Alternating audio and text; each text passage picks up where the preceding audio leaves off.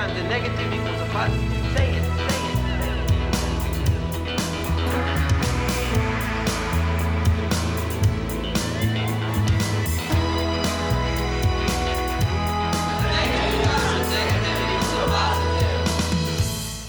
Hej och välkomna till podden Anpassa skolan med mig Jimmy och Sissi. Eh, vad ska vi ta upp idag då Sissi? Ja, vi ska säga att det här är avsnitt nummer nio. Avsnitt nummer nio, exakt. exakt. Och vad ska vi prata om i avsnitt nummer nio då? Vi har som vanligt varit på en föreläsning som vi tänkte att vi ska prata lite om. Och den hette Psykisk ohälsa och stress hos unga med eh, autism var det faktiskt. Så vi ska prata lite om den och ja, sammanfatta lite. Precis. Vad hette föreläsaren då? Diana Lorenz hette hon. Och hon har precis kommit ut med en bok också. Ja, precis. Som he- heter det. Stress och psykisk ohälsa hos elever med autism heter den va? Ja. Ja, men vi tänkte också börja med att berätta att vi har startat ett nytt samarbete. Och det tänkte du prata lite om Jimmy. Ja, jättekul. Vi har startat ett samarbete med Teknologisk institut som är ett utbildningsföretag från Danmark.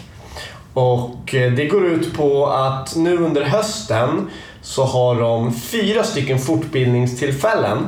Eh, Två dagar varje fortbildningstillfälle. Där vi, våra lyssnare, kan få 10% rabatt om ni använder rabattkoden Anpassa skolan. De har SO-dagarna i september, NPF tillgänglig skola i september och Framtidens skola i oktober och programmering i skolan eh, som är i november. Så det är superkul. Jag hoppas verkligen att vi också kommer kunna delta på några utav de här. Utbildningarna. Ja, precis. Mm, och vi kommer lägga ut länkar till de här äh, föreläsningarna, eller äh, konferenserna. Exakt. Så att ni hittar dem lätt. Och när ni anmäler er så använder ni en rabattkod då. Mm. Och hemsidan är teknologiskinstitut.se. Precis. Ja, och då går vi in på det dagens ämne som är alltså psykisk ohälsa hos elever. Vi kommer dels prata om elever som har funktionsnedsättningar, men faktiskt generellt alla elever. Och vad kan ni lära er efter det här avsnittet då? Jo, hur man kan hjälpa de här eleverna, eller om man själv som lärare inte vet hur man ska göra, hur kan man själv som lärare få hjälp? Det är det vi ska prata lite om. För att de här eleverna möter vi varje dag, de finns i varje klass. Man kanske inte tänker på det, men i vissa perioder så kanske det kommer fram att man har elever som mår sämre. Och då måste man ha lite koll på det. Och vi kan väl prata lite om vad, vad skulle, hur kan det yttra sig? Mm. Det kan ju vara, vi har pratat om det här förut, men det kan verkligen vara att man märker att elever börjar utebli från lektioner, vara hemma hela dagar, inte orkar hela dagar eller har svårt att komma igång med olika arbetsuppgifter eller ja, moment i skolan. Och det kan ju också, det som jag vet att jag märker av, det är när elever är ovanligt trötta. Det är ju alla nu på våren. Den här delen av terminen är ju verkligen alla är trötta. Men jag kan ju ha elever som sover sig genom lektioner.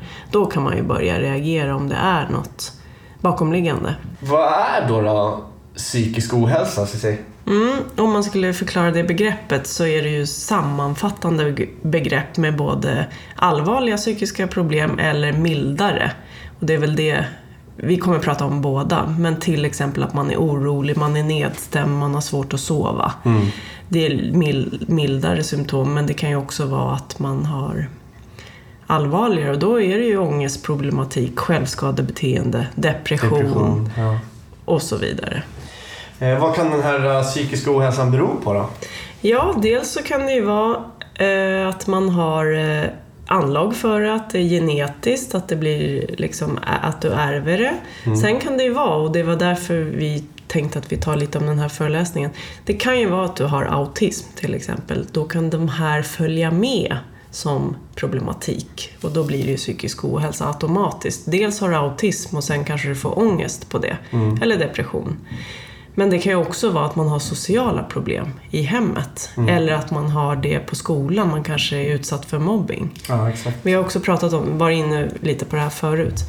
Så det är ju lite att, det behöver inte vara att du har autism eller ADHD för att uppvisa sådana här symptom. Det kan ju vara att du har en problematisk familjesituation som gör att du kan inte sova på nätterna. Det kanske är våld i hemmet och så. Och då uppvisar du samma symptom i skolverksamheten. Du är trött, du har svårt att koncentrera dig. Du kan ju också ha posttraumatiskt stresssyndrom. Du kan ju ha kommit från ett krig. Dina föräldrar kanske har kommit från ett krig. Precis, och då tänker jag genast eh, om man har den här problematiken, eh, hur ska eleven klara av skolan då? Ja, precis. Och det är ju sådana elever vi, vi möter dem väldigt ofta. Men även lärare i vilken klass som helst möter ju de här lärarna. Man märker ju om det är något som kanske inte stämmer hos en elev. Och det kan bli svårt för en elev att klara skolan. Och då måste vi ju som lärare ha koll på det och veta hur vi ska göra och hjälpa till. Vad gör vi då? Ja, vad gör vi? det man kan göra om det är så att man märker att det är någon mildare form av psykisk ohälsa, att man kanske är nedstämd och lite sömnsvårigheter, då kan det ju räcka med att du har mentorsamtal och att eleven får prata om det.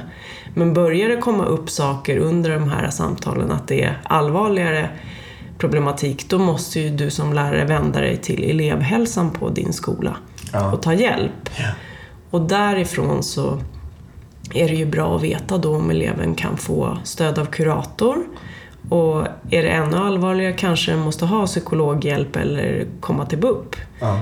Men du måste också ta hjälp som lärare för du kan ju inte lösa alla de här problemen själv. Nej. Men det, det som är bra då att veta, vi säger om du har lämnat ett ärende till elevhälsan, det är ju att du behöver ha uppföljning med till exempel kuratorn då, och veta eh, hur går det med den här eleven? Den kanske har då fått en kontakt hos en psykolog. Kanske man behöver veta som lärare att nu har den väldigt kämpigt den här perioden, så du behöver tänka på det här och det här. Ja. Och då får, har man ju fått lite dels avlastning som lärare plus att du vet att man kanske inte ska gå så hårt fram på den eleven just vissa perioder. Ja, precis. Eh, när du säger så här så tänker jag att om man märker eh, att eh, om man har haft en elev länge så kan, får man märka någon förändring. Ja, Alltså då kan ju det ha varit att man har gått in, man har, ja, då kan det vara på grund av att det har blivit oroligt hemma eller man har blivit mobbad eh, eller utsatt eller vad som helst. Att Det kan ju vara en som kan leda till det här. Och sen så tänker jag också genast så här Eh, vad är mitt ansvar som lärare? För att det kan jag tänka mig att många ställer sig frågan. Liksom, vad, vems ansvar är det? Det viktiga där är ju att inte ramla mellan stolarna och så tar Precis. ingen hand om det. nej. Helt rätt. Helt Så rätt. vi jobbar som lärare. Vad är mitt ansvar? Vad kan man lägga för ansvar på hemmet? Vad kan man lägga för ansvar på eh, övriga instanser i skolan men också socialtjänst, BUP. Alltså, ja. För du kan ju även få en sån signal från en förälder kan ju höra av sig och vara orolig. Mm. Och tänka nu håller min, mitt barn här på, det håller på att bli att den börjar att bli hemma för mycket. Ja. Och då kanske de vänder sig till oss och då måste vi också så här veta hur ska vi ja, hjälpa föräldern. Och då återigen ta hjälp av elevhälsan. Ja. Eller, ja, eller dina kollegor kan man ju börja med. Hur gör vi nu? När jag har fått den här signalen om att något inte stämmer. Jag tänker ändå det vi har pratat om nu, men jag tänker ändå att vi ska ta upp lite för att vi får vi får inte bara signaler från elever, vi får också signaler från föräldrar om att man kanske är missnöjd med elevhälsan. Mm. Eller lärares insatser eller rektorers insatser. Vi läser väldigt mycket på olika forum som vi är med i. Att man kanske inte får den hjälpen som man har rätt till. Så det behöver vi också diskutera lite. Vad gör man som förälder och vad gör man som lärare när man känner att man inte får den hjälpen man har rätt till? Det är ju en djungel i hur, var ligger ansvaret? För det är ju det här som man riskerar då att det ramlar mellan stolarna. Och man kanske har en hemmasittare som är hemmasittare ett år eller två år eller något. Hur, så ser ju det ut i verkligheten. Absolut. Och hur ska man göra? Hur ska man tänka? Ja, föräldrarna, många föräldrar känner sig nog väldigt, väldigt ensamma. Det är Ja. ingen som vill ta bollen liksom. Nej, och man har ingen hjälp riktigt. Man kanske behöver gå på tre olika möten varje vecka. Man ska träffa rektor, sen ska man träffa en specialpedagog, sen ska man träffa kuratorn och sen kanske man ska träffa BUP och så vidare. Det här eh, samverkan kan vara, se olika ut på olika skolor och olika kommuner. Den erfarenheten jag har om man tänker, om man har kommit så långt så att man behöver väldigt mycket stöd och insatser som förälder. Det är ju att man ska kalla till ett sånt här SIP-möte, som det heter. Och det kan man själv göra som förälder, det kan jag göra som lärare, en rektor kan göra det. Och det är ju alltså sam, samverkansplan. Samordnad individuell plan står det för. Och det betyder att alla träffas på ett och samma möte. Eleven kan vara med, eleven behöver inte vara med. Men då är allting antecknat. Vem gör vad? Vem har ansvaret? Och sen blir det uppföljning. Det tycker jag är en jättebra lösning om man känner att nu är det, jag vet inte vad jag ska göra och vem ska jag ta hjälp av? Så om du är en förälder som lyssnar så tycker jag att det är det du kan begära. En, ett SIP-möte. Eller lärare kan också göra det. Om, ja, eh, vilka är med? Om, om, om jag vill förtydliga lite här. Ja. Vilka, är med, vil- vilka kan vara med i ett sittmöte? Ja, det kan vara en eh, skolperson, en kurator kanske. Och så en lärare eller mentorn. Och sen kan det vara socialtjänsten om socialtjänsten är inkopplad. Det behöver det ju inte vara. Det kan vara någon från BUP. Och så kan det vara föräldrarna och eleven. Eh, så det tycker du är ett bra förslag till en förälder? Att, Eller lärare eller Mm. också lärare faktiskt. Ja, ja, Mm. Kalla till sittmöte? Ja, för det blir väldigt mycket möten. Och sen till slut kanske man ändå går ifrån de här mötena och tänker, ja vad händer nu? Vad händer sen? Och vad, hur går vi vidare? Och när får vi hjälp? För det vet ju vi också, att hjälp kan ta lång tid att få. Ja. Och det är därför vi har det här jätteviktiga ansvaret, vi som lärare, att ganska snabbt eh, anmäla, om, anmäla till elevhälsan om vi märker av någonting. För att vi vet att insatser kan ta lång tid. Fånga upp så tidigt som möjligt. Eh, precis. Men vi, jag tänker att, för jag fortsätter att prata lite om vad, hur föräldrar kan märka att deras barn lider av psykisk ohälsa. Ja, För det var det de pratade om på föreläsningen som vi var på. precis. Mm. Och då nämnde ju hon att man kan, som du sa, man kan se det här förändrade beteendet hos barnet. Då. Det kan ju bli att den har större behov av struktur, större sömnbehov, att man behöver kanske förberedas mer om det ska bli förändringar.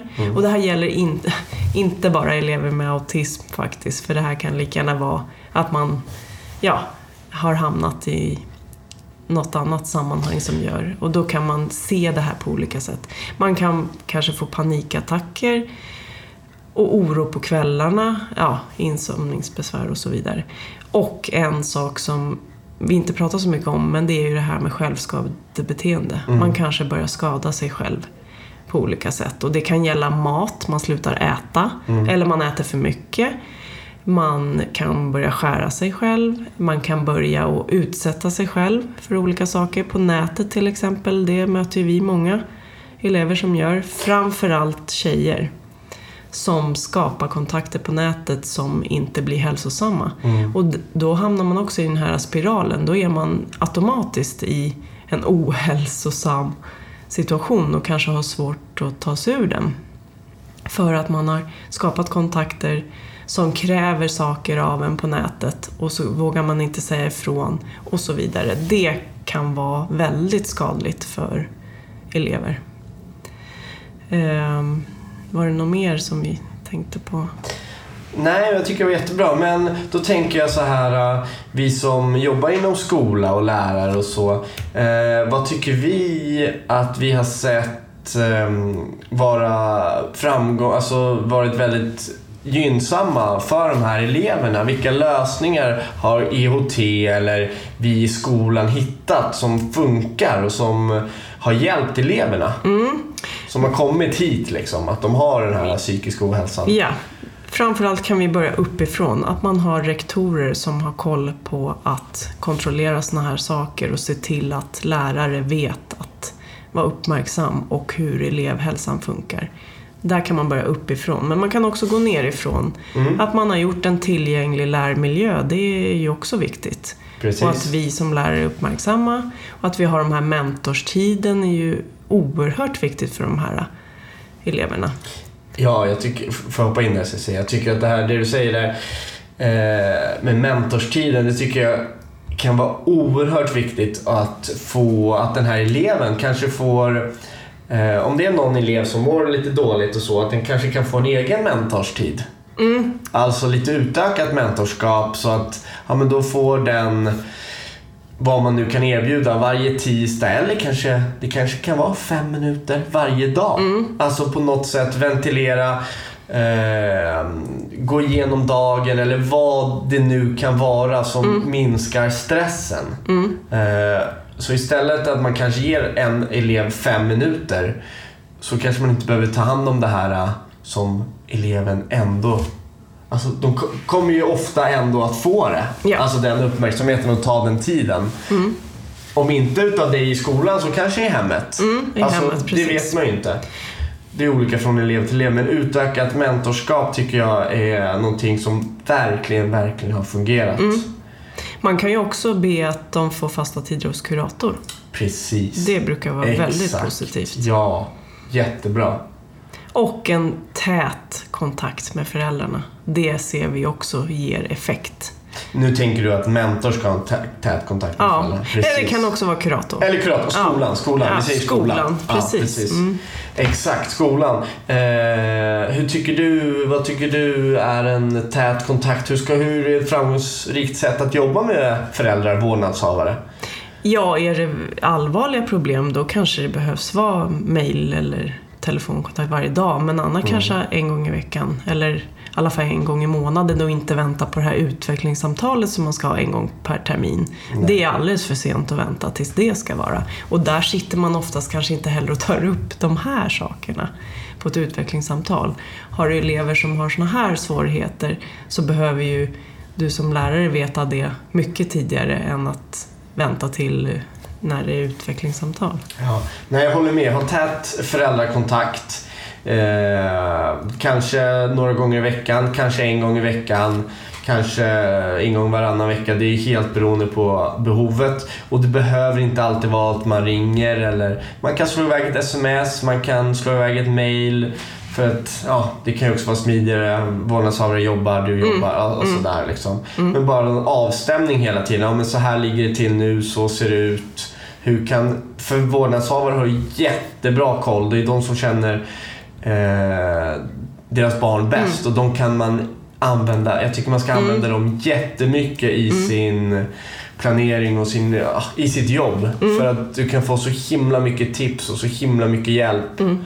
Eh, och jag tror att det är så himla mycket bättre för eleven också när de känner att man jobbar tillsammans Precis. med. Alltså det, det blir en helt annat uppfång. Man, man fångar upp dem på ett helt annat sätt. Det är ju Eh. det man brukar prata om alliansen. Den behöver man ju ha med eleven Precis. och med föräldrarna. Ja. Och eh, tvärtom också, eleven behöver känna att den har all allians med skolan. Ja. Så att den känner sig välkommen. En sak till som jag tänkte på Ja. var att eh, om man har fått den här informationen, föräldrarna kanske har hjälpt den med informationen, man har märkt det själv, så är det ju inte bara du som mentor eller elevhälsan som behöver veta det här. Alla lärare som undervisar eleven behöver ju veta det. Precis. För det kan ju vara att har du inte sovit på flera nätter så kommer ju det märkas på alla lektioner. Ja. Då behöver, man behöver inte veta allting. Nej. Det handlar inte om att du ska veta exakt vad som har hänt eller vad, vad som är problemet. Är bara, läraren behöver bara veta nu är det extra jobbigt för den här eleven. Mm. Det är ju en framgångsfaktor att alla vet om såna här saker. Precis. Och att eleven vet att de andra lärarna också vet. Så inte eleven behöver sitta och känna att ja, men nu går inte jag på den här lektionen för att, ja, och så tror den här läraren att jag är dålig kanske, eller att jag inte tycker om Mm. Det den är läraren. vanligt. Eller... Det där är vanligt. Exakt, det blir skuldkänslor, det blir ännu mer stress och det bara... Precis. Exakt. Så en tydlighet, öppenhet eh, och snacka med eleven, snacka med vårdnadshavare.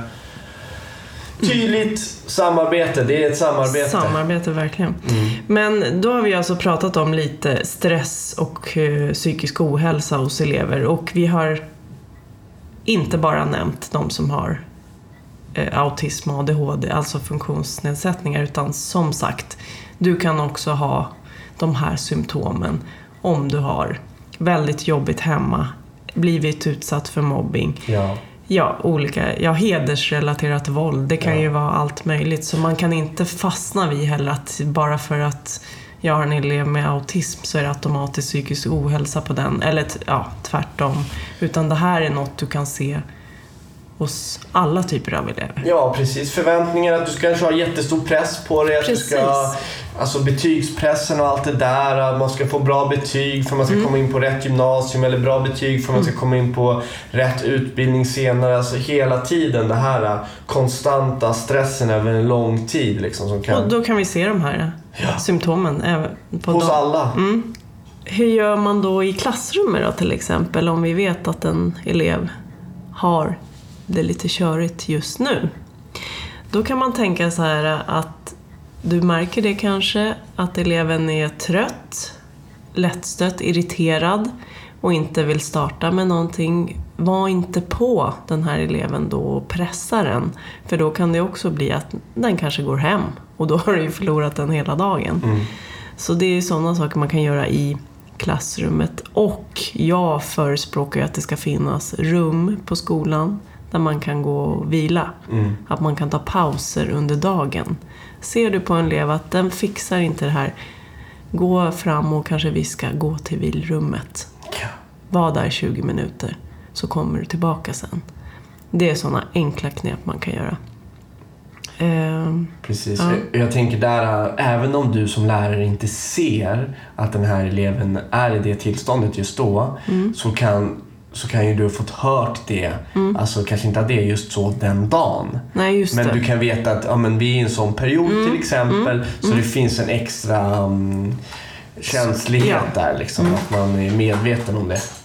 Jag tycker det är viktigt att påpeka att det är ju väldigt svårt att när man har 150 elever på en vecka att veta när den här eleven kanske mår dåligt och känna av alla de här signalerna.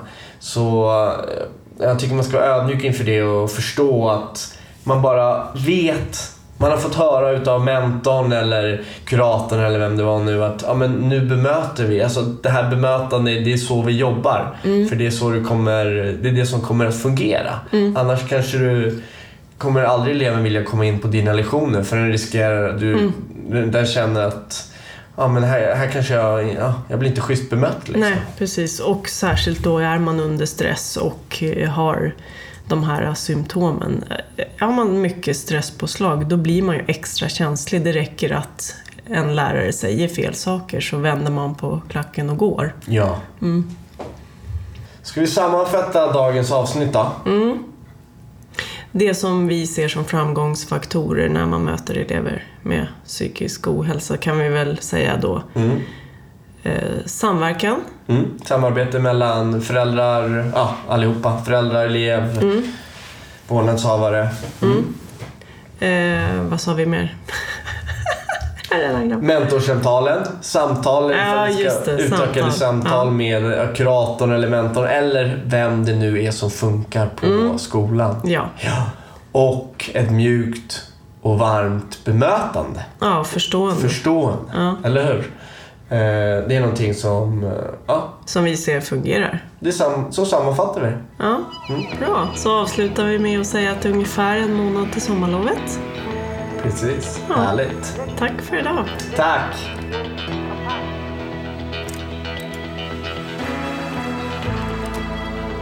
A negative times a negative equals a positive.